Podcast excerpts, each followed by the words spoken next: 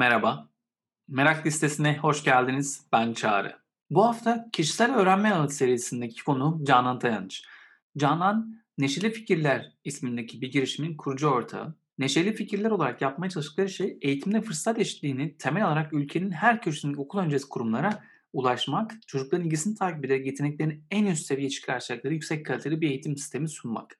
Canan aynı zamanda Boğaziçi Üniversitesi'nde eğitim fakültesinde temel eğitim bölümü öğrencilerine uygulama bölüm dersi veriyor. Kendisiyle yaptığımız sohbet benim için çok keyifli oldu. Üzerine konuşmak istediğimiz belki de dinlerken sizin farkına varacağınız birçok konu daha birikti aslında.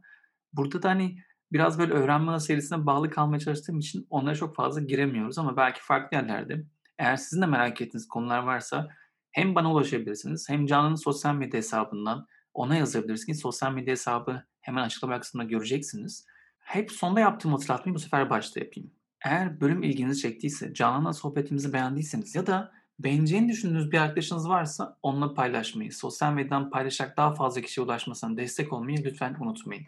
Ben yine çok fazla tutmadan hemen bölüme başlamak istiyorum. Çünkü Canan'la çok keyifli bir sohbetimiz var.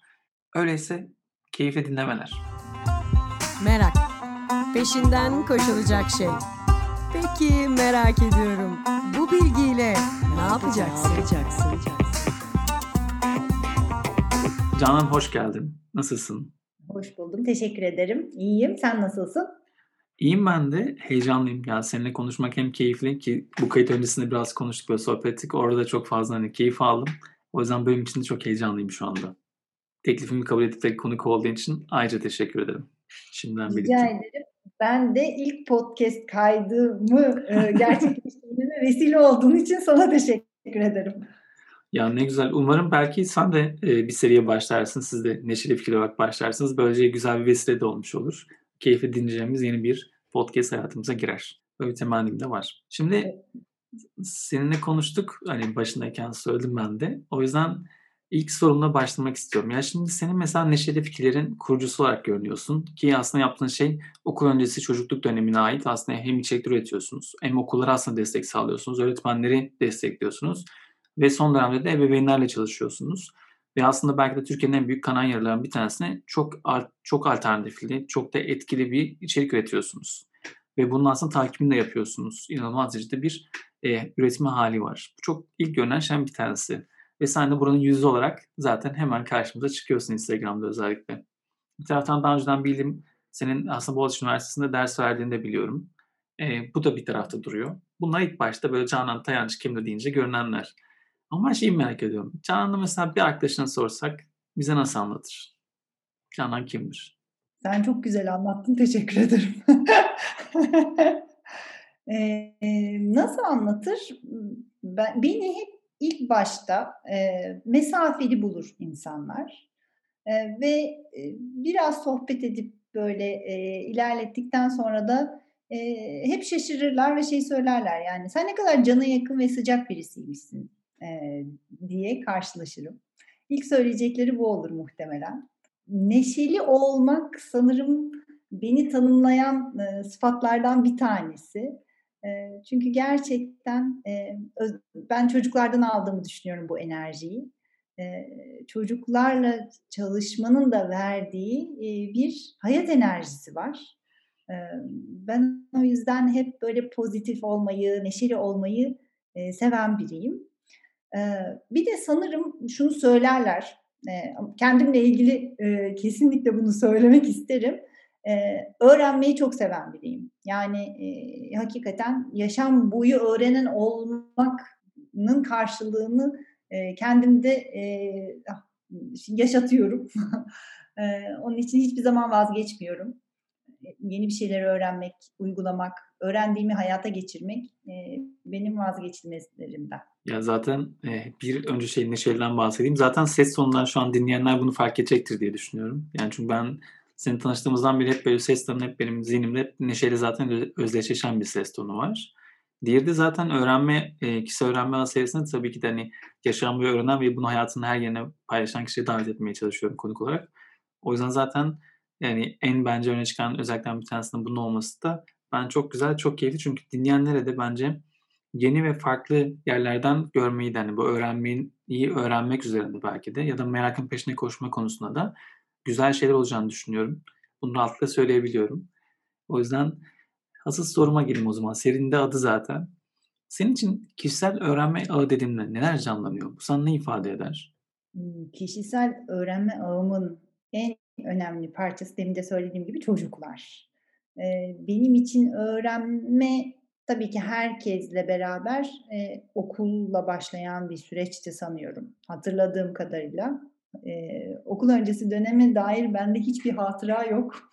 E, onun için ona dair bir şey söyleyemiyorum ama şu anda gözlemlediğim kadarıyla e, yani öğrenmeyi ben e, hep seviyordum sanırım ve okuldan bir şeyler öğrenmeyi önemsiyordum. Ee, sanırım eğitimci olmama sebep olan şey de buydu galiba. Onun dışında öğrenme dediğim şey aslında benim için hep deneyimlemekten e, geçiyor. E, ben çok böyle bir şeyleri dinleyip öğrenen birisi değilim. O yüzden e, o ağa, dahil olmak için e, hep hareket içermesi lazım e, ve deneyimleme içermesi gerekiyor.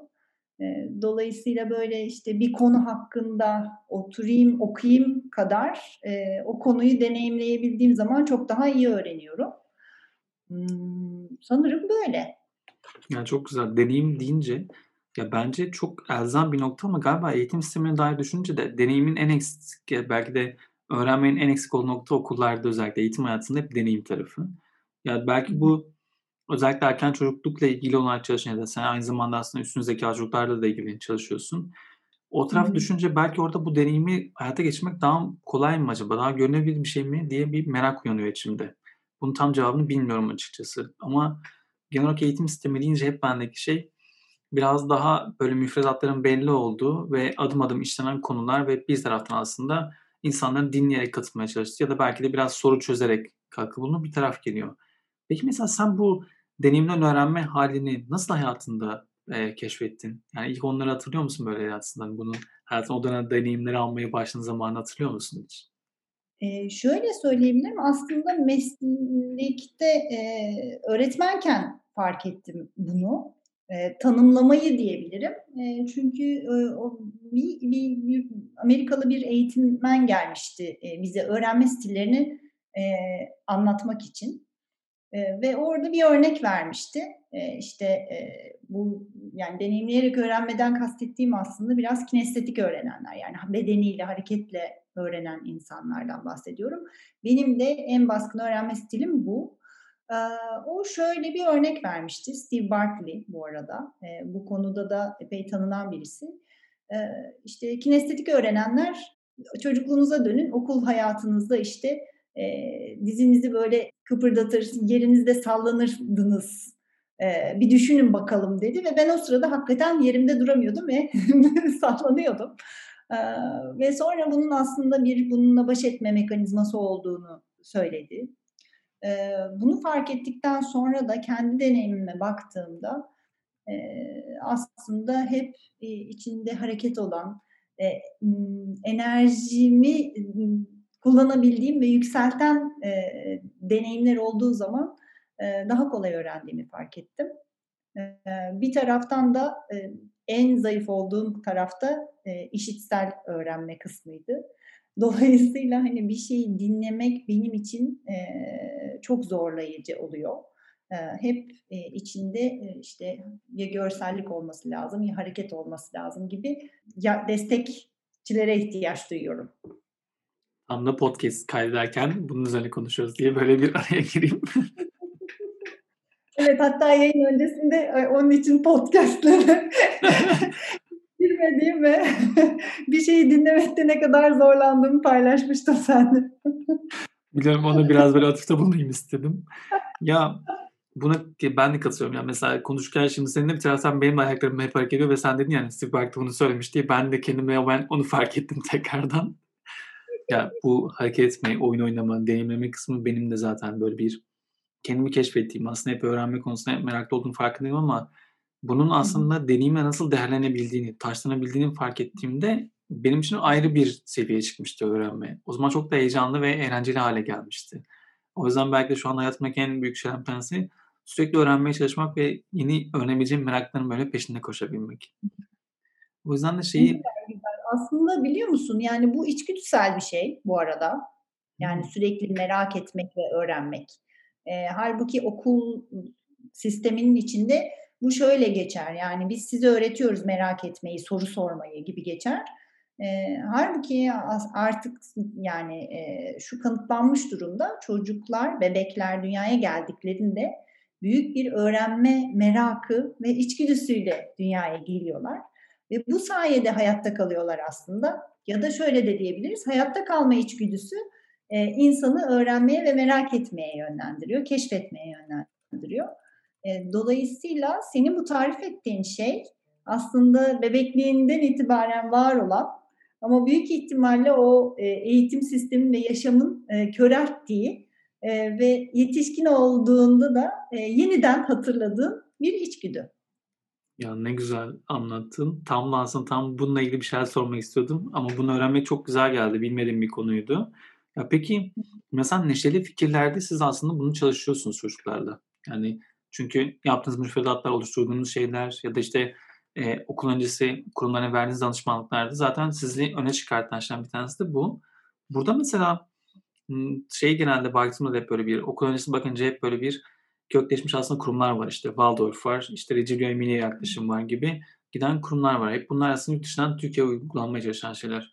Ama siz de aslında buna alternatif de yaratıyorsunuz bir taraftan. Burada mesela merak duygusunu çocuklarla çalışırken nasıl entegre ediyorsunuz diye bir merakım var. Yani, şu anda bunu böyle çok detaylı konuşmak belki uygun olmayabilir ama bu belki de en çok merak ettiğim konulardan bir tanesi olabilir. Şu an söyleyince aklıma geldi. Aslında bahsettiğin ekoller ve yaklaşımlar, farklı bir şey söylemiyorlar. Yani, bütün bunların hepsi, bir kere çocukların gelişimsel ihtiyaçlarından ve aslında, eee, işte, ne bileyim, Montessori, Maria Montessori de çocuklara, eee, çocukların ihtiyaçları ne diye sorgulayan, eee, birisi olduğu için, eee, bir ekole, eee, vesile oluyor diyeyim. Eee, başlangıcı öyle. Yani, işte, eee, bir odada, eee, kendi başlarına bırakılan, özel ihtiyaçları olan çocuklar var. Eee, ve o dönem, eee, o çocuklar boş bir odada başlarında sadece bir yetişkinle, eee, bütün günü geçirmeleri bekleniyor ve Maria Montessori diyor ki, eee, "Ben" diyor, "bu çocukları için, eee, çeşitli oyuncaklar ve materyaller tasarlarsam acaba onların öğrenmesine katkı sağlayabilir miyim?" Böyle ortaya çıkıyor ve, işte, şimdi günümüzdeki uygulamalar oradan geliyor. İşte, ne bileyim, Waldorf uygulamaları gene aynı şekilde, işte, savaş sonrasında, eee, insanların birbirinden uzaklaşmasından, eee, kaynaklı, işte, bu, eee, bir fabrikada, eee, Steiner'in yaptığı bir konuşma üzerine fabrikanın sahibi diyor ki, eee, "Gel bu fikirlerini hayata geçireceğimiz, eee, bir okul kuralım." diyor ve bu şekilde ortaya çıkıyor gibi. Eee, ama hepsi aslında çocukları merkeze alan ve çocukların ihtiyacını gözeten yaklaşımlar ve ekoller. Eee, bizim yapmaya çalıştığımız şey de, eee, bundan çok da farklı değil. Eee, yapmaya çalıştığımız, imm, her, eee, iş, her proje bizim, böyle, çocukların, eee, gelişimsel ihtiyaçlarını karşılamak, dolayısıyla o öğrenme ve keşfetme meraklarını, eee, takip etmelerini sağlayacak, eee, yaklaşımlar benimsemek oluyor. Tabii ki bu ekollerden faydalanıyoruz. İşte, eee, bunun yanı sıra, eee, dünyadaki, eee, literatürü takip ediyoruz. Yani bilim bize ne söylüyor takip ediyoruz. Eee, dolayısıyla, eee, bizim ülkemizin çocuklarını bizim, i ihtiyaçlarımıza göre ve onların ihtiyaçlarını da gözeterek, eee, programlar oluşturmaya çalışıyoruz. Yapmaya çalıştığımız şeyin merkezinde aslında çocukların o merak ve keşfetme duygularını, eee, takip etmelerini sağlayan araç oyun. Bizim yapmaya çalıştığımız her işte yetişkinlere çocuklarla nasıl, eee, oyun oynayabileceklerini ya da çocukların oyunlarına nasıl katılıp, eee, onların gelişimlerini nasıl destekleyecekleri hakkında, eee, fikir, eee, vermeye çalışmak şeklinde. Ya, anlattığın çok güzel geliyor. Ya, çünkü genelde hep böyle bir okul sistemindeki o merak ve öğrenme şeyinin yani engellenme şeyi halinde bir de aile tarafında da biz bunu çok fazla görebiliyoruz. Yani çok soru soran çocuklara hep böyle sorması istenmez gibi şeyler de var ya da işte merak ve öğrenmesi. Yani e, o toplumsal bir bana sorarsan yara. Neden? Çünkü bizim toplumumuzda e, çocuklar hakikaten e, aslında hor görülür. E, ben hep anlattığım bir şey vardır mesela şöyle deyişler var işte çocuk gibi konuşuyorsun, çocuk gibi davranıyorsun e, gibi. Halbuki yani keşke hepimiz çocuk gibi davranabilsek ve çocuk gibi konuşabilsek. E, çünkü hani e, çok doğal, e, hesaptan uzak, e, samimi e, şekilde e, davranır ve konuşur çocuklar. Dolayısıyla bizde e, çocuklar böyle dışlanan bir e, kesimdir. E, ve yapmaya çalıştığımız şey aslında bunu değiştirmeye çalışmak. E, çünkü e, aslında çocuklar geleceğimiz. O yüzden en büyük yatırımın e, erken çocukluğa yapılması gerektiğini zaten araştırmalar söylüyor. E, dolayısıyla e, çocukları dışlamak değil, e, aslında e, kucaklamak gerekiyor. E, bunu en güzel yapan ekollerden bir tanesi de Reggio Emilia.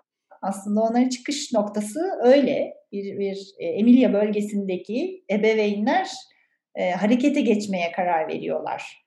E, ve diyorlar hmm. ki yani biz çocuklara nasıl bir dünya bıraksak e, işte e, bırakacağımız dünya okul olabilir. O zaman o okulu e, yaşamlarıyla birebir örtüşecek şekle sokalım. E, ve en önemli özelliği şeydir onların da yani çocukların o merak duygusunu e, tetikleyecek şekilde e, yetişkinler kolaylaştırıcılık yaparlar. Evet, not tutup dokümant ediyor. notlar tutulur, işte dokümantasyon çok önemlidir vesaire. Halbuki bizde bakarsın yani öğretmen öğretmek zorunda olduğu bir müfredatı vardır. Evet, ee, zorunda çocuk, oldu. Yani, çocuk öğrenemiyorsa onun sorunu. Yani ben öğrettim yaklaşım hakim. Evet, yani Malaguzzi'nin notlarını falan okumak çok keyifli geliyor Eceliye yaklaşımıyla ilgili. Bazen de hani o kadar İtopya gibi geliyor. Yani gerçekten bu olabilir mi? Diyesten bir şeye de gidebiliyorum yani açıkçası. Yani belki de kendi deneyimlerimi öyle gösteriyor. Bir de şey merak ediyorum. Şimdi çocuklukla ilgili olan algıda bahsettiğim ben çok önemliydi hani oradaki çocuklara olan bakış açımızdaki şey. Ama bir taraftan bence bu merakla ilgili de var toplumsal olarak. Yani merak etmeye bir önüne geçme hali içerisindeyiz. Mesela şimdi merak özellikle son 5-6 yıldır daha da öne çıktı. Yani iş dünyasında da artık en çok istenen şeylerden bir tanesi merak etmesi kişinin. Eskiden sorgulanmasın, her şey itaat edilsin istenirken şimdi sorsun, merak etsin, daha fazlasını araştırsın, yeni bir şey getirsin gibi bir şeyin peşine gittik. Mesela sen kendi merak duygunu nasıl besliyorsun? Yani çünkü hem çalıştığın alanda çok fazla hani aslında güncel literatür taramasına ihtiyaç var, yeni şeylere yaklaşma ihtiyaç var. Bir taraftan da senin de hayatında yeni şeylerde bunları koyman lazım. Sürekli öğrenen olarak bu merak duygunun peşinden nasıl koşuyorsun? Ay bu çok zor bir soruymuş. nasıl koşuyorum? Yani e, bu son yıllarda daha kolaylaştı aslında o duygumu e, tatmin etmek diyeyim. Çünkü teknoloji inanılmaz ilerledi ve herkes gibi e, birçok şeye teknoloji aracılığıyla ulaşabiliyoruz. Ama öncesinde e, ben şeyi severim. E, uzmandan böyle e, eğitim alma vesaire işlerini. E, dolayısıyla ben çok seviyordum mesela işte Orschulwerk eğitimleriyle tanış, Orschulwerk'le tanışmıştım üniversitedeyken. Uzunca bir zaman yani 10 yıl kadar sanıyorum bütün eğitimlerine katıldım. E, ve e, bunu şeyle bağlamak gerekirse yani şimdi o merak ettiğim şeyi bir şey öğrendim tamam bitti hiçbir zaman olmazdı benim için. Hala öyledir. Yani ben şimdi bir şeyi öğrendim bunu bir deneyeyim, hayata geçireyim, uygulayayım. İşliyor mu? Beni cezbeden kısım o herhalde. E, çünkü işlemeyen bir şeyi çabucak silerim. e, ve e, işime yarayanı tutarım. Büyük ihtimalle herkes böyle. E, ama benim için böyle hani hiçbir zaman da şey olmadı. Tamam ben bunu öğrendim bitti. Hani bununla ilgili başka bir şey öğrenemem ya da bunu ileriye taşıyamam gibi bir e, şeyim yoktu. Çünkü ben değişimi de seven birisiyim. E, uygulamalarımda da değişikliği severim. E, mesela işte senin de söylediğin gibi e, son bir yıl içinde e, okullarla çalışma e, tarafından hop bir anda işte ailelerle çalışma ve evde uygulanabilecek bir program çıkartmaya gittiği iş. Ee, mesela o süreçte daha önce işte yayıncılık yapmakla ilgili hiçbir fikrim yokken e, böyle şu anda son iki aydır işte e, yayıncılık sertifikası alındı. Ondan sonra bunun prosedürü nasıl yapılıyormuş öğrenildi.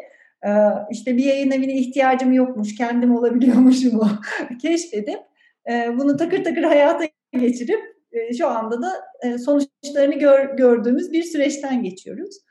Dolayısıyla benim için hep yani uygulanabilir olması ve uygulayabileceğim bir şeyin nasıl olduğunun mantığını kavramak çok ön planda. Böyle sanıyorum takip ediyorum merakımı diyeyim.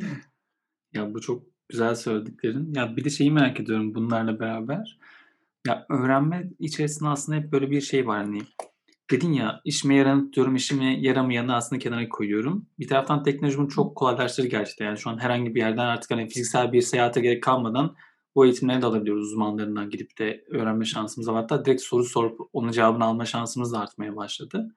Ama bir taraftan da çok fazla yanlış bilgi de oluyor. Yani sahte bilgiler demek istemiyorum ya da bilerek yayınlanan yanlış bilgiler değil ama böyle hani hakikat sonrası çağda olduğumuz için birçok kavramın artık tam olarak ne kadar doğru olup olmadığını bilmiyoruz. Sosyal medyada bizi böyle bir engel içerisine koymaya başladı. Yan koduları deniyor ya benzer öğrenme şey içerisinde kalıyoruz. Ve bir süre sonra aslında ne kadar öğrenir kaldığını düşünsek de benim gözlemlediğim birçok insan farkında olmadan rahatlık alanının içerisinde hapsediyor kendisini. Çünkü yan kodasının dışını göremiyor. Artık yani çünkü herkes onun gibi düşünmeye başlıyor ya da onun çok efektif ve çok iyi olduğunu düşünüyorlar ve kendisini orada tutuyor. Yani mesela yan kodlarında kaldığını düşündüğün böyle bir anın var mı? Ya da işte mesela yan kod adasında olduğunu fark ettiğinde nasıl kendini aslında onun dışına çıkartıp tekrar öğrenmeye başlıyorsun gibi bir deneyimin var mı diye merak ettim. Olmaz mı? Benim için e, sosyal medya böyle bir şey. yani e, uzun zaman bu kadar işte yeniliği seven, öğrenmeyi seven bir insan olarak e, sosyal medyadan alabildiğince uzak kalmak tercih ettim. Ve sonra e, pandemi geldi.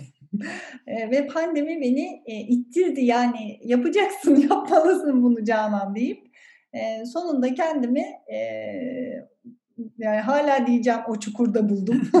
Çünkü gerçekten bir gayya kuyusu şeklinde içine çeken bir dünya var. E, ama yani bir, bir an geldi ve e, o an e, dedim ki bir dakika ben buna niye bu kadar kendimi kapattım? Yani kapatmışım. E, herkesin yapabildiği ve merak duyduğu ve ilgi duyduğu bir e, mecrayı e, ben e, zorla uzak tutmaya çalışıyorum. En azından şeyi bir deneyim dedim. Yani biraz daha yakınlaşayım, mesafeyi kapatayım dedikten sonra e, baktım hakikaten hoşuma gitti bu arada yani. E, orada da e, kendime ait bir şeyi e, yaratabildiğimi, e, kendimi ifade edebildiğimi ve aslında da e, bunun da bana da katkısı olduğunu keşfettim. E, sanıyorum o keşiften sonra da şimdi de devam ettirme hevesim var. Üniversitede ders vermek de böyle bir şeydi. Ben hep işte okul öncesi çocuklarıyla çalıştım. Benim kitlem 0-7 yaş yani. Hatta okulda çalışınca işte 3 ile 6 yaş arasındaki çocuklarla çalışılıyor. Üniversitede ders vereceğim ilk gün ben gerçekten bacaklarım titreyerek gittim derse. Çünkü böyle yani hani 20'li yaşlarında gençler ben de işte kaç 35-36 yaşındayım. aradan geçmiş 15 sene üniversite hayatımdan. ve girdim derse şey dedim. Yani ben çok heyecanlıyım. yani e, umarım güzel geçer ama ben hayatımda ilk defa böyle bir şey yapıyorum. Çok korkuyorum falan diye de anlatmıştım hatırlarlar öğrencilerim. e, ama sonra o korku ve şeyi açtıktan sonra oradan da çok beslendiğim bir alan e, çıkmış oldu. Dolayısıyla ben hep yani değişimi sevdiğimi düşünüp ama bir taraftan da o bilinmeyenle ilgili yaşadığım kaygıyla böyle biraz öteleyebiliyorum sanırım.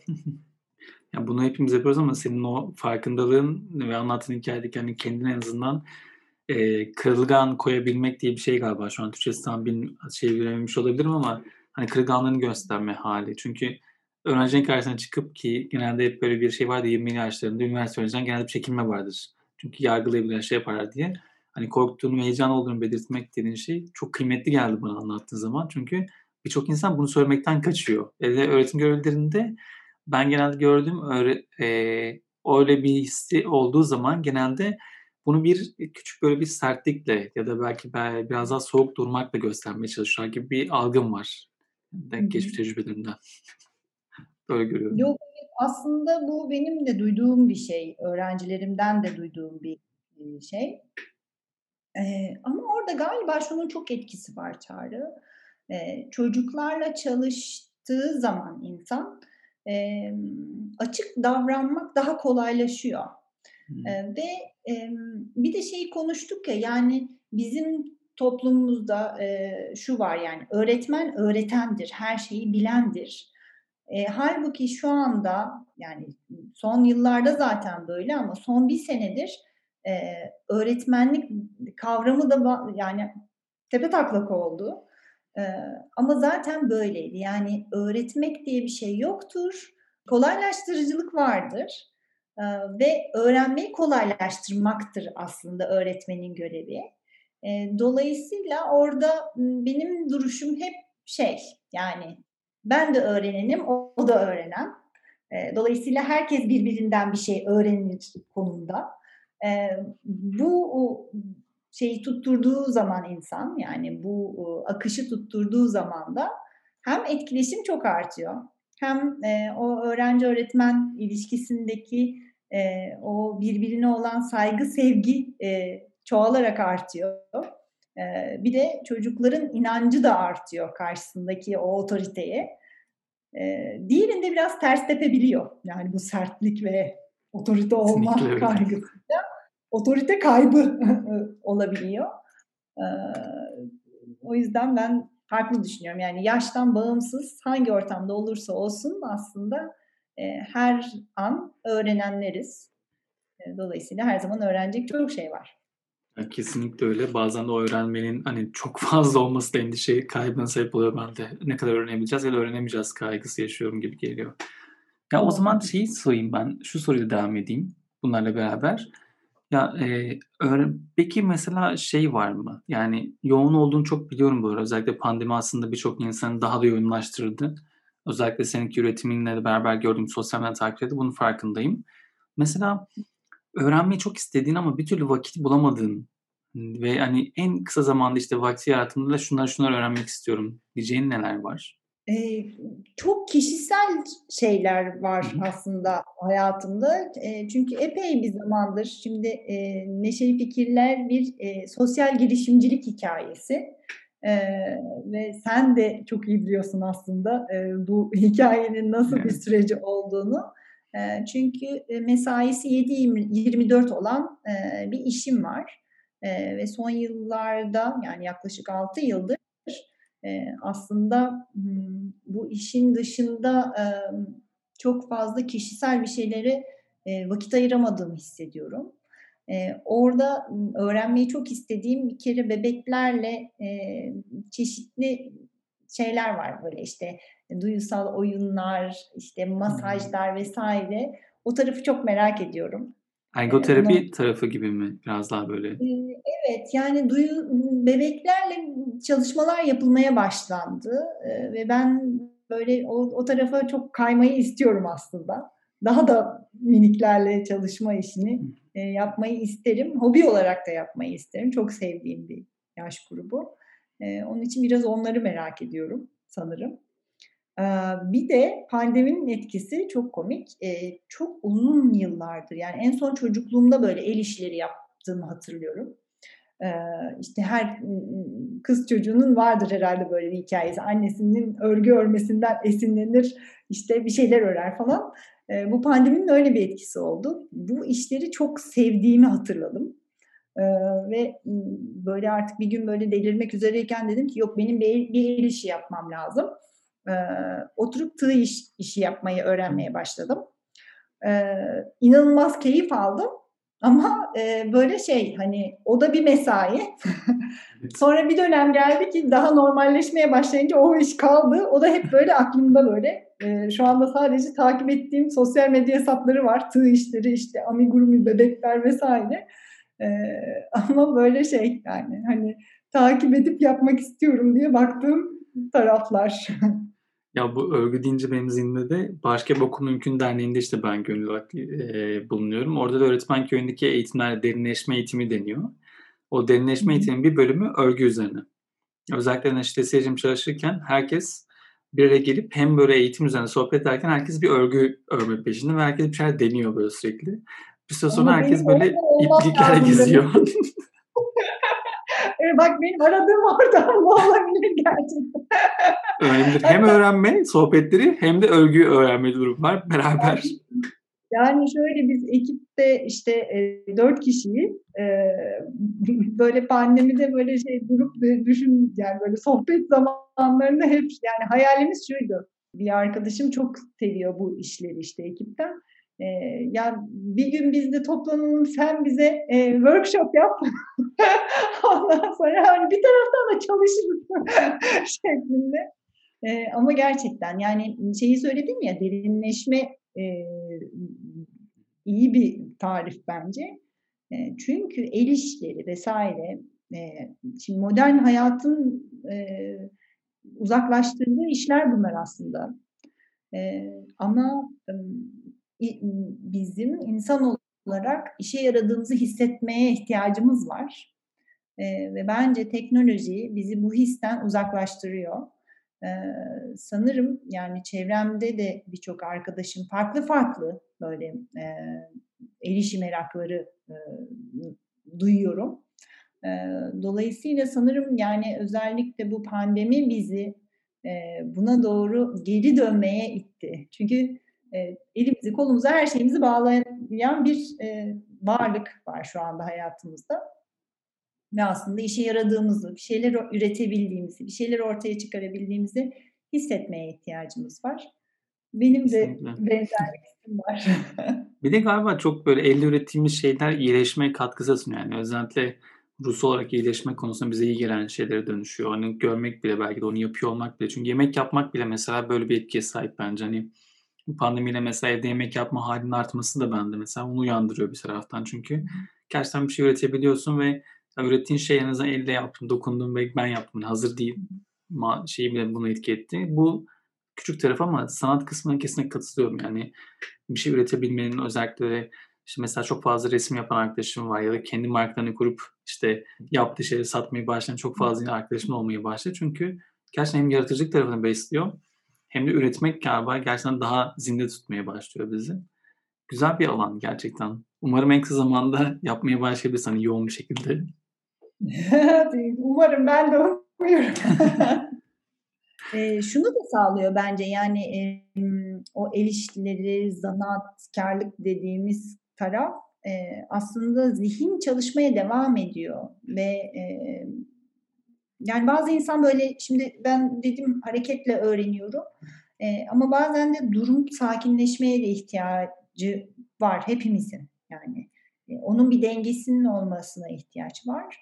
E, halbuki teknoloji bizi sürekli bir ekran karşısına kitleme halinde. E, oğlumla yaptığımız sohbetlerin üçünden ikisi şu şekilde bana geliyor diyor ki yeter diyor bilgisayara baktığın e, işte babam da öyle sen de öylesin. E, ben de diyorum ki bütün işler burada. Sonra bakıyorum müzik buradan dinliyoruz işte işleri buradan hallediyoruz. Birileriyle ilgili merak ettiğimiz bir şeyleri buradan takip ediyoruz filan. E, halbuki e, durup düşünecek e, alana da ihtiyacımız var. E, biraz el işleri öyle bir karşılığı var yani e, aslında. Demlenmemizi sağlıyor değil mi o aynen, zihnin? Aynen. aynen aynen temizliyor. Ya, kesinlikle öyle. Yani bu söylediğinden sonra hemen podcast'i kapatıp bir şey yapmaya başlıyormuşum diyeceğim ama umarım sözümü yerine getirebilirim diye de bir çekince koyuyorum kendime.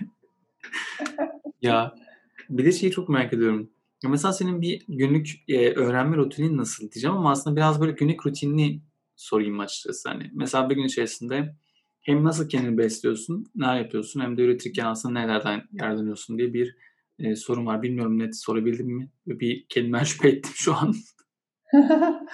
Emm, yani, şöyle aslında Çağrı, bilmiyorum. Emm, geçenlerde bir influencer, şöyle bir şeyden bahsetti. O da bir dijital içerik üreticisi, eee, ve, eee, şunu söyledi, günde 5 saat, Instagram'da vakit harcadığını bahsetti. Ben şoke oldum ama bir taraftan da her gün kitap okuduğunu anlattı. Yani zamanını, eee, o şekilde dengelediğini. Eee, şimdi günde 5 saat, eee, Instagram'da olmak benim için mümkün değil. Eee, onun için ben hâlâ, aaa, o, eee, okuma tarafını saklayıp onu mutlaka hayatımda tutuyorum. Eee, onun dışında, çocuğum var. Dolayısıyla, onunla olan etkileşimlerimizden, fayda sağlamaya çalışıyorum. Çünkü hâlâ beni hem mesleki anlamda hem, kişisel anlamda besleyen bir tarafı var. Biraz büyüyene kadar sürecek diye düşünüyorum. Ve tabii ki, hani, çeşitli internet kaynaklarından faydalanıyorum. Hani, çok uzun zamandır, eee, bu şeylere filan, eee, katılma fırsatım olmadı. Yani, böyle bir seminerdir, konferanstır, eee, online'lar bana çok iyi gelmiyor. Eee, yaptığım işte de dedim ya, deneyimlemek çok önemli. Şimdi deneyim sağlayamadığım bir şeyi, eee, ben de sunmuyorum. Dolayısıyla, emm, çok uzun süre bir şeyleri dinlemeye çalışmak, şey yapmak, eee, yoruyor beni. Emm, YouTube'dan çok keyif alıyorum. Eğer sorduğun şeyin cevaplarından birinde bu varsa, Ha, tabii ki eee, olabilir. orası bir derya deniz. Hatta Eee faydalandığın, hani, kanallar falan varsa onları, hani, dinleyenler için belki de çok yararlı da olabilir aklına gelenler olursa. YouTube benim için daha böyle şey, sosyal bir, iii, öğrenme yeri diyeyim. Eee, şeyi merak ediyorum çünkü bu aralar böyle biraz, emm, şimdi gençlerle beraber olmaya ihtiyacım var ve, eee, aslında her tarafı canlı tutmam da gerekiyor. Eee, özellikle, işte, 25-45 yaş arası insanlar beni takip ediyorlar. Eee, dolayısıyla onların neler yaptığını ve, emm, acaba uzak mıyım, yakın mıyım mesafe ölçümünü yapmak için, eee, mesela YouTube'u tercih ediyorum, öyle diyeyim. Daha böyle, emm, ciddi şeyleri öğrenmek için değil de hayatı öğrenmek kanalları. YouTube'da gerçekten istediğimiz her şeyi bulabiliyoruz. Bazen de istemediğimiz şeyler de karşımıza çıkıyor. O da çok ilginç oluyor. O yüzden de şeyi sormak istedim bir de. Ya, eee, öğrenmekten falan bahsettik ama bazen de bazı şeyleri keşke öğrenmeseydik diyebiliyoruz. Yani benim hayatımda var bunlar. Senin hiç var mı böyle? Yani keşke öğrenmeseydim, niye öğrendim ki dediğin şeyler var mıdır hiç? İlk sorunca zor akla gelmesi belki ama ben bunu merak ettim. Keşke öğrenmeseydim dediğim. Ya, bilmem çünkü ben şöyle, şuna inanıyorum Çağrı, yani bi bir şeyi öğrendiysek, eee, mutlaka bir sebebi olduğunu düşünüyorum. Yani hiçbir şeyin tesadüf olmadığını, eee, ve o anda kötü gelen, eee, bir şeyin aslında sonradan, eee, işime yaradığına da çok denk geldim. Eee, onun için, yani, böyle bir pişmanlığım yok diyebilirim. Bu söylediğin, eee, çok güzel geldi bana da. Yani keşke öğrenmeseydim dediğin şeyler sonrasında çok da işimize yaradığı şeylere dönüşüyor diye. Çünkü ben bu soruyu mesela, işte, hani, her konuk olan kişiye soruyorum aslında. Hı Eee, ve hı. genelde hep benzer şekilde bir cevap geliyor. Hani, çünkü şey galiba, yaşam boyu öğrenen olmanın getirdiği bir şey herhâlde bu. Yani her şeyden öğrenecek bir şey var. Bazen yeri olmuyor, bazen de hiç farkına varmadan istemediğin bir şeyleri bir süre sonrasında tekrardan, "A, ne güzel bir faydası varmış." deyip geri Hı. besleyebiliyor. Ya, o yüzden, eee, bu da çok güzel bunu duymak. Yani senden de bunu duyduğum zaman böyle daha bir oturdu bu. Çünkü daha öncekilerde hep konuştuk ama hiç böyle şekilde olarak zihnime gelmemişti. O yüzden bana böyle bir, eee, güzel bir aydınlanma anı gibi oldu açıkçası bunu A, duymak ne da. güzel. O zaman son bir sorum var sana. Ya, açıkçası, hani, biraz sordum böyle merak ettiğin, "Zaman olmayan." dedim ama mesela bu önümüzdeki hafta ya da sonraki aylarda öğrenmek istediğin, işte, üzerine biraz daha yoğunlaşmak istediğin, merak ettiğin neler var? Bunu bir sormak istedim. Hımm. Mesela, eee, yayından önce konuştuk seninle. Bu podcast meselesini kesinlikle, eee, öğrenmeyi bir adım atacağım. Hı hı. onu biliyorum. Eee, çünkü şimdi konuşmamızda da fark ettim ben, şeyi de ifade ettim, yani işitsel, eee, tarafım zayıf ve yani bir şeyi uzun süre dinlemek E, çok da bana çekici gelmiyor. Ama senin bunu yapış tarzın ve şu an mesela sohbetin gittiği yer aslında bana bir ufuk açtı. Ve kesinlikle yakın zamanda çok uzatmadan arayı açmadan bu podcastlere inceleyeceğim, bakacağım diye düşünüyorum. Ya teşekkür ederim. Yani zorunda hissetme kendini. Hani burada podcast'te konuşuyoruz diye ama. zorunda hissetmedim. Ben şaka yapıyorum. ya şey çok komik Çağrı. Ben uzunca bir süre yani işte neşeli fikirleri kurana kadar diyeyim. E, daha doğrusu üniversitede ders verene kadar konuşmayı hiç sevmediğimi düşünürdüm. Aa. Ve e, ders vermeye başladığımda fark ettim ki e, seviyormuşum. Yani çünkü e, bir kere ben yani ben genelde hep dinleyenimdir bu arada. Yani işte yakın arkadaşlık ilişkilerinde de iyi bir dinleyiciyimdir bir taraftan yani. Öyle olduğum söylenir. Yani benle dertleşmeyi sever falan çevremdekiler. Fakat böyle çok böyle kendi derdimi böyle oturup anlatan falan birisi değilimdir yani. Ama bu, bu, bu rol yani bu üniversitedeki hocalık tarafıyla beraber aslında bunun e, pozitif bir tarafının olduğunu da fark ettirdi bana. Ve aslında konuşmayı seviyormuşum. Şimdi e, onun için yani belki dinleyici olmak podcast için beni şey yapmayabilir, cezbetmeyebilir ama e, insanlara bir şey aktarmak ve bir şey anlatma mevzusu sevdiğim bir şey. E, onun için zorlama değil kesinlikle merak ettim. Ya bence bu dediğinde çok güzel bir öğrenme şeymiş hani e, düşününce konuşmayı sevmiyordum dediğin şeyde aslında ben çok etkili konuşan kişilerden birisin yani seninle tanıştığımızdan beri bunu çok farkındayım. Bir de hani Neşeli Fikirler tarafındaki o sosyal medya paylaşımlarını biliyorum. Yaptığın canlı yayınlarda ya da YouTube kanalında da biraz denk geldiğimde hiç böyle düşünmezdim. Yani seni hiç bir anında konuşmayı sevmeyeceğin aklıma gelmezdi. Ay çok teşekkür ederim. Şimdi bu inanılmaz bir geri bildirim benim için. E, yani çünkü ben mesela hiçbir zaman işte dedim ya böyle öğreten olmak falan e, sevmiyorum. Ben e, çoğunlukla deneyim paylaşmayı çok seviyorum sanırım. E, ve bugüne kadar belki de hiç sorulmamış daha önce. Canan sen bu hayatta ne yapıyorsun? ne düşünüyorsun diye. Ben çok alan taraftım e, belki de e, biraz böyle bir e, o sıkışma halinin verdiği bir şey. Seviyorum yani. Konuşurum. Sabah yani kadar. Gerçekten çok güzel. Çünkü ben en azından takip ettiğim ve çok keyif aldığım bir e, süreç var. O yüzden çok fazla aslında kendi kişisel öğrenme alanında senden ve ekibinden yararlanıyorum açıkçası sık sık. Aa, o bana çok iyi geliyor. Hatta birçok arkadaşıma da kesesinlikle öneriyorum yani tanışmalarını istiyorum ama ne kadar tanışıyorlar bilmiyorum. İnsanlar biraz bu konulardan hani dinleyenlere de onu söyleyeyim. Çünkü sosyal medyadan e, seninle tanışabilmek aslında çok kolay ve üzerine konuşabilmek de çok da hani e, besleyici olacağını düşündüğüm bir şey. İnsanlar neden bu çekindiklerini hala anlamıyorum bu arada. Yani özellikle mesela birçok şey kolaylaştı ya artık. Yani sosyal medyadan yazıp konuşabilmek gibi. Ama hala insanların çekinmesini bilmiyorum açıkçası. Mesela sana birkaç arkadaşıma önermiştim senin tanışmalarını. Çünkü birkaç fikri vardı ve senin ona çok katkı sağlayacağını düşünüyordum. Ama sonra fark ettim ki hep böyle ya konuşuruz deyip konuşmaktan kaçmışlar. Umarım burada Gerçekten. dinliyorlarsa evet onlar dinleyen, dinliyorlarsa onları tekrardan bir hatırlatayım neden hala harekete geçmediklerini. ben bu arada şey e, yani bana bu şöyle söyleniyor Çağrı. Benim çok kolay ulaşılabilir olmamı benim de çevremdekiler eleştiriyor.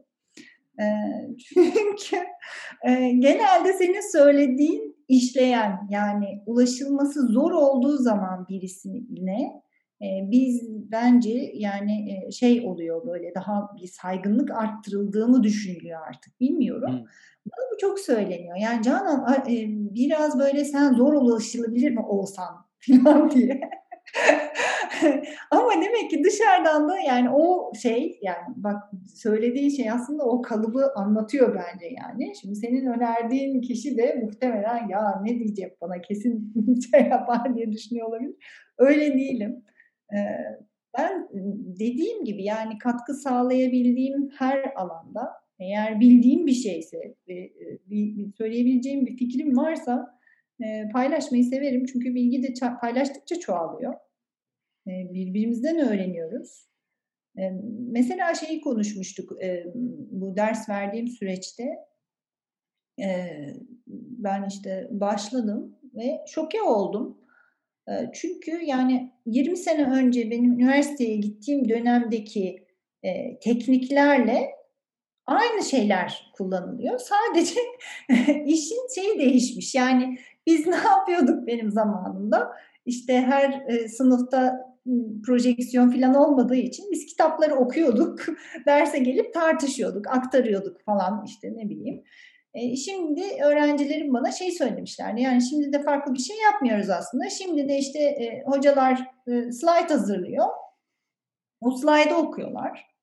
E, ve ben yani şimdi öğretmenlik öğrencilerine ders veren birisiyim.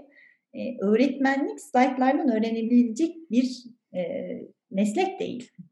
E, ve o zaman fark etmiştim. Yani bir şeyleri şimdi bir, bir iki jenerasyonun özellikle e, öğrenebilmesi için e, bilgiye nasıl ulaşacakları hakkında e, aslında yol gösterici olmak e, ve öğrendiklerini tecrübeyle nasıl birleştirecekleri e, ne dair fikir sunmak çok daha değerli. Onun için ben e, yani e, bunun da değişmesini gerekliliğine inancını savunan bir e, ne diyeyim eğitim savunucusuyum. E, dolayısıyla hakikaten e, kapım herkese e, açık. E, yeter ki bildiğim ve e, hakikaten fikir söyleyebileceğim bir alan olsun. E, yoksa da eğer bilmiyorsam da zaten direkt şey derim yani bu beni aşıyor bu konu. E, başkasını sormalısınız diye. Ya Öyle bence çok değerli bu söylediğin yani çünkü özellikle yani çocuklarla çalışmak yani sadece konuşuyoruz öyle çocuklar çalışmak sadece öğretmenler ya da işte hani şeyden değil ebeveyn olma halinde de özellikle son dönem yaptığınızla beraber bence yani yayından önce konuşmuştuk. Çocuk sahibi olunca nasıl olacağına dair bir okul yok yani bir şey yok. Ebeveynliğin okul olmadığı için de öğrenmek gereken çok büyük bir alan var orada. O yüzden de bu alanlara dair hani mesela merak edenler ya da işte belki de ileri doğru düşünen kişilerin de bence seninle özellikle takip etmesi, ekibini takip etmesi ben çok önemli. Çünkü bence en büyük eksikliklerden bir tanesi. Hani sen de böyle konuşmak istedin ya aslında bir iş ebeveyni olmak. Yani çünkü gerçekten aslında 7-24 ihtiyacı karşılamak için özellikle de pandemi sürecinde daha da fark edilen bir şey dönüştü. Çünkü hep berabersin ve aslında ondan nasıl öğreneceğine dair ya da ondan nasıl oyunda oynayacağına dair bilgi sahibi olmadığında aslında çok sıkıntı yaşıyor ve strese dönüyor gibi geliyor. Ee, diye küçük böyle bir efendim lütfen. Ben sözünü kestim kusura bakma. Ben de şunu söylemek isterim. Ben de şunu yapmaya çalışıyorum aslında. Şimdi e, bir, bir, benim e, Instagram'daki hesabımla ilgili mesela anneliğe dair onlarca belki yüzlerce hesap var. E, bu hesaplar nasıl işte e, kendi deneyimlerini paylaşıyor ama yani eğitim tarafı veya gelişim tarafıyla ilgili bir bilgisi e, olmayan insanlar sadece deneyim paylaşıyorlar. Bir tarafta da böyle daha akademisyenler var. Akademisyenler de çoğunlukla daha teorik bilgi paylaşıyor oluyorlar. Benim yapmaya çalıştığım şey ise daha hakikaten bir süzgeçten geçmiş bilgi e, ve anlamlı tecrübeyi paylaşmaya çalışmak. E, onun için yani kaliteli içerikler üretmeye çalışıyorum ve kaliteli içerikleri paylaşmaya çalışıyorum. E, ve bu alanda hani yaptığımı yakın gördüğüm çok, çok kimseye de rastlamıyorum. E, ben de açıkçası rastlamıyorum. Bilgi kirliliği var, işte e, özellikle yani son bir yılda e, ebeveynliğe dair e, kaygı çok yükselmiş durumda, çok artmış durumda. E, şöyle şeyler duymaya başladım. Mesela işte ana, ana şey ilkokul hazırlık e, sınıfına gidecek çocuklara bazı okullar şey diye e, söylüyorlar anne babalarına. İşte e, yani çok e, geride kalmış gelişimi. İşte okula hiç hazır değil falan yani ne yapsın o insanlar tamam yani çok şey bir hepimiz benzer bir süreçten geçiyoruz ki yani kitle bu yani sonuçta çocukların ve ailelerin bulunduğu nokta bu. Dolayısıyla o bilgi kirliliğinden de eee, uzak durmak için, eee, ben birazcık böyle süzgeçten geçirerek, emm, gerçekten sağlıklı bilgiye ulaşmalarını sağlamaya çalışıyorum diyebilirim. Ya, emeğinize sağlık. Gerçekten bence çok çok önemli. Çünkü dediğin şey Türkiye'de gerçekten çok az ve hep, hani, söylenen bu, eee, erken çocukluğun ne kadar önemli olduğundan sen de, hani, tek başında bahsetmiştin sohbetin ve ileride aslında daha da fark edeceğimiz bir şeye dönüşmeye başladı. Özellikle bu pandemiyle eğitim sistemine uzak kalmanın getirdiği bir şeyle de belki de yeniden düşünmeye başlıyoruz. Bunu yeniden ele almaya başlıyoruz. O yüzden senin aslında paylaştığın, o süzgeçten geçirdiğin, o deneyimleri anlamlı hâle getirip paylaştığın nokta bence çok çok önemli bir nokta. O yüzden ben, eee, takip etmekten çok mutluyum. Yani ileri doğru bir, böyle bir ebeveyn olma şeyim yok, durumum yok, hani, düşüncem de yok ama beni çok besliyor. Çünkü buradan aldığım şeyleri ben kendimle kıyaslayıp ya da, işte, hayatımda farklı yani yetişkinlerle çalıştığım zamanlarda da orayı da buna entegre edebiliyorum. O yüzden de beni çok besliyor. O yüzden ben şahsen bunun için ayrıca teşekkür ederim. Bir de podcast'te konuk olduğun, bu sohbeti yaptığımız için ben çok çok mutluyum. Çok keyifli bir sohbet oldu. Eee, o yüzden yavaş yavaş, hani, biraz böyle kapatalım istiyorum ama biraz da belki böyle sohbet de edelim istediğim nokta oldu. Belki ileri doğru farklı bir alanda ya belki de senin daha çok, hani, sen eğer podcast'a başlarsan belki oradaki farklı bir deneyim üzerine seni tekrardan konuk edip konuşmaktan çok çok mutlu olurum. Böyle onu tekrar belirtmek istedim onları da. Çok çok teşekkür ederim. Ben de çok, heyecanla, tamamlıyorum bu süreci, bu sohbeti. Benim için de çok keyifliydi Çağrı. Umarım, bugün bu konuştuğumuz podcast'e girme meselesini bir an önce, çözerim ve, tekrar buluşuruz böyle bir Umarım. ortamda. Hı hı. Ya, çok teşekkür ederim. Umarım dinleyen, yani umarım demeyeceğim, dinleyenler için çok keyifli bir bölüm olduğunu düşünüyorum. Hem de hem anlattıklarınla beraber çok da güzel bir noktalarda böyle bir takip edecekleri, meraklarının ne aslında bu konularda merakları varsa en azından nereye doğru gideceklerine dair de güzel bir deneyim aktarımı oldu. Onun için çok teşekkür ederim. Eee, dinleyenlere diyeyim ki bir sonraki bölümde görüşmek üzere diyeyim. Onlara hoşça kalın diyorum.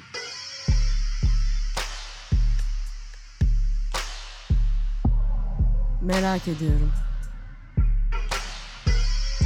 Sen de merak ediyor musun? Neyi merak ediyorsun? Meraklı biri misin? Merakını nasıl gidereceksin?